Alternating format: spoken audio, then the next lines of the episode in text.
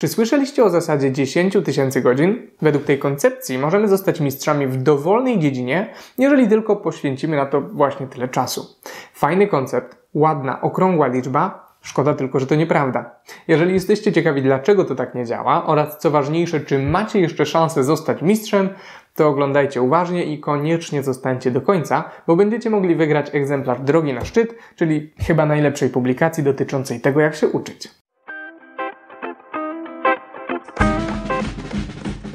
Dzień dobry, z tej strony Hubert i bardzo miło mi Was widzieć na kolejnym piątku z Pankracem. Dzisiaj porozmawiamy sobie o talencie, tym dlaczego wszyscy uczyliśmy się źle, a także o przebadanej naukowo metodzie pozwalającej na osiągnięcie mistrzowskiej biegłości w niemal każdej dziedzinie. Nieważne, czy chcecie nauczyć się nowej umiejętności, nowego języka, czy po prostu zwiększyć skuteczność w pracy. Eksperci z niemal wszystkich dziedzin stosują właśnie te metody. Przechodzimy do konkretów. Patrząc na wspaniałych piosenkarzy, piłkarzy czy aktorów, tak jak ja kiedyś moglibyście pomyśleć, że musieli urodzić się bardzo utalentowani i może nawet zazdrościliście im talentu. Robert Erickson, chyba największy ekspert od tego, co czyni ekspertów ekspertami, przekonuje jednak, że nie ma czego zazdrościć. Jak pokazują badania, nie ma podstaw, żeby uważać, że coś takiego jak talent w ogóle istnieje. No ale jak to? Przecież to oczywiste, że są osoby, które mają większe predyspozycje niż inne. Tak, ale nie do końca działa to tak, jak mogłoby się wydawać. Weźmy pod lupę szachistów. Wydaje się, że to dyscyplina zarezerwowana dla osób o wysokiej inteligencji. No ale co najwyżej się wydaje, bo badania nie odnotowały związku między rankingami szachowymi dorosłych uzdolnionych szachistów a ich IQ. Pokazują też, że szachiści z reguły nie cechują się wyższym ilorazem inteligencji od innych dorosłych o takim samym wykształceniu. Słyszałem jednak, że osoby, które zostawiły łapkę w górę dla YouTube'owego algorytmu, rzeczywiście cechują się wyższym IQ. Nie wiem, czy to prawda, ale nic nie szkodzi spróbować. No dobrze, ale muszą być takie umiejętności, które zależą od cech wrodzonych. Może słyszeliście o słuchu absolutnym. To wyjątkowo rzadka umiejętność polegająca na bezbłędnym rozpoznawaniu i nazywaniu dźwięków.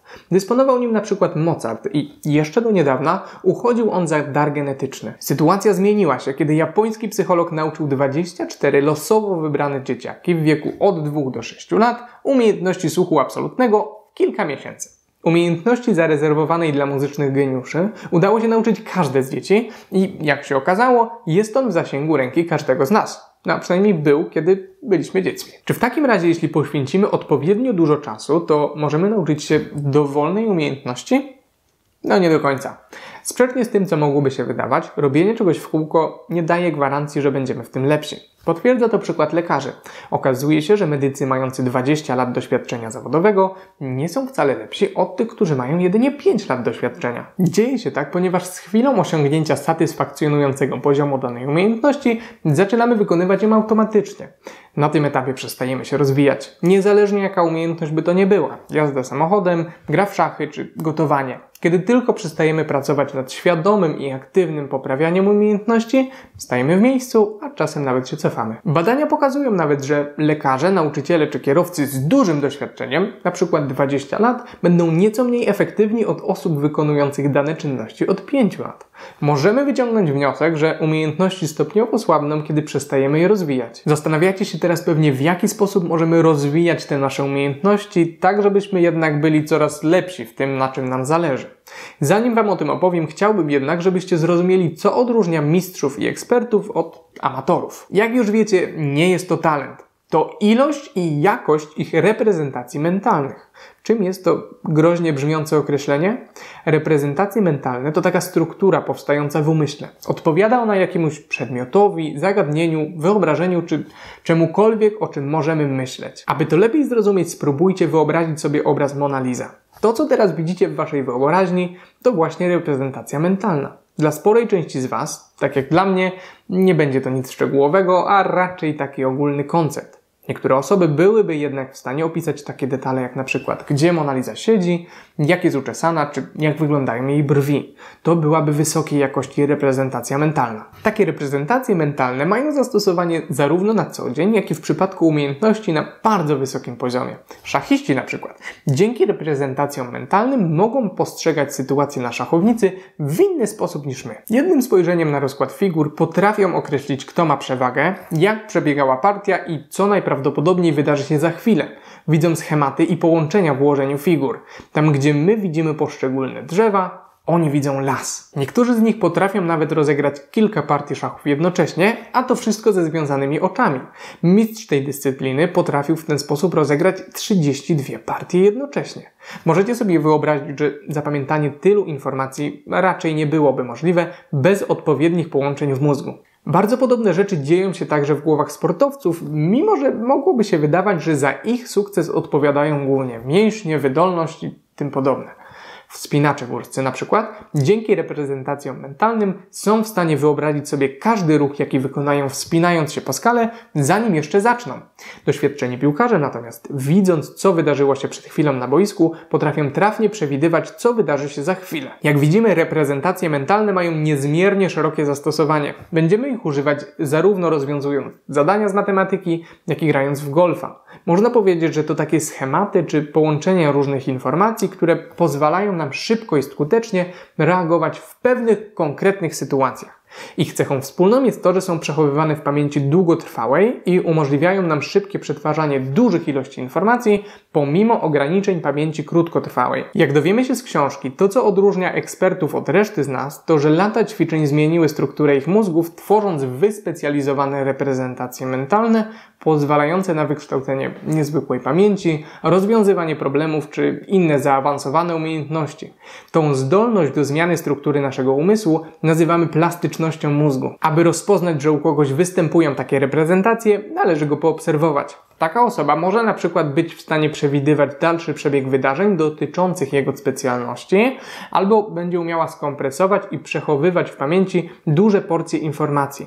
Może też potrafić przywołać z pamięci szczegółowe i skomplikowane doświadczenia związane z jego dziedziną, jak na przykład przebieg meczu.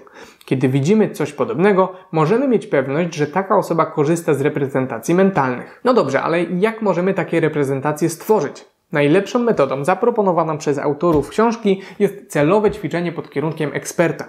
W przeciwieństwie do naiwnego ćwiczenia, czyli tego, z czym w dużej mierze stykamy się podczas naszej edukacji, celowe ćwiczenie cechuje. Po pierwsze, posiadanie jasnego celu, a więc wiedza o tym, co chcemy osiągnąć, dlaczego i z jakich mniejszych elementów się on składa. Te cele cząstkowe, czyli pewnego rodzaju kamienie milowe naszego postępu, są szczególnie istotne. Po drugie, zaangażowanie i skupienie, czyli sumienna praca ze świadomością, czemu ma służyć ćwiczenie i jaki aspekt ma poprawić. Nadmienię oczywiście, że robimy jedną rzecz na raz i podczas ćwiczeń nie dajemy się żadnym rozpraszaczom. Po trzecie, natychmiastowa informacja zwrotna jest bardzo istotna. Musimy wiedzieć, kiedy robimy coś źle, żeby móc się poprawić. To dlatego przyda nam się ktoś, kto jest ekspertem i od razu podpowie nam, co robimy nie tak. Po czwarte, praca na granicy naszych możliwości, bo uczymy się właśnie na granicy tego, co wiemy i czego nie wiemy. Jeśli wypuścimy się na zbyt głęboką wodę, będziemy nieefektywni i zniechęcimy się. Natomiast jeśli nie będziemy wychodzić poza naszą strefę komfortu, to niczego nowego się nie nauczymy. Ćwicząc w sposób zgodny z tymi wytycznymi, będziemy w stanie uczyć się znacznie szybciej i dojdziemy znacznie dalej. Jak daleko? Kiedy Erikson zaczął sprawdzać swoją metodę, zaprosił do eksperymentu studenta, którego zadaniem było zapamiętanie ciągu cyfr. Uważano, że biologiczną granicą naszej pamięci był ciąg 9 cyfr, a rekord wynosił wtedy 15. Po dwóch latach ćwiczeń studentowi udało się zapamiętać 82 losowo odczytane cyfry.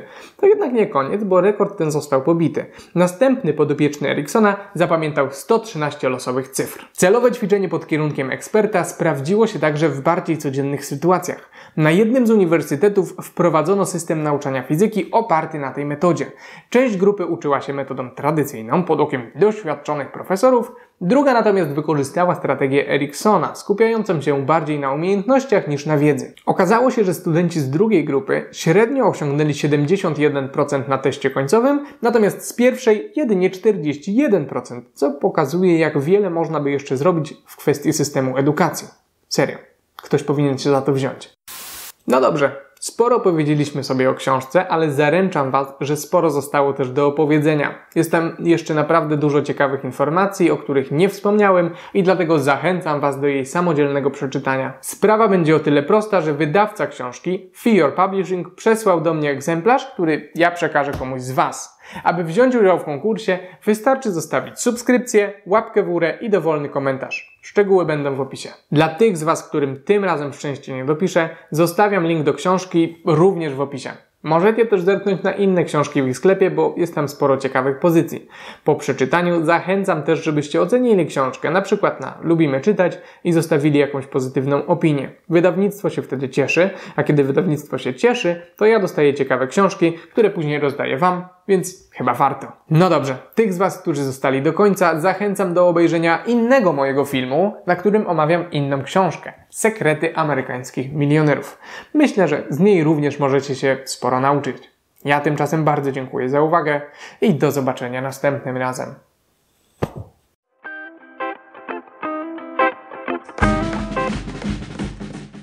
Mimo, że książka w dużym stopniu neguje znaczenie takich cech wrodzonych, to zgadza się, że niektóre z nich jednak mają znaczenie. No i jest to na przykład wzrost, więc nadal nie będę zawodnikiem NBA.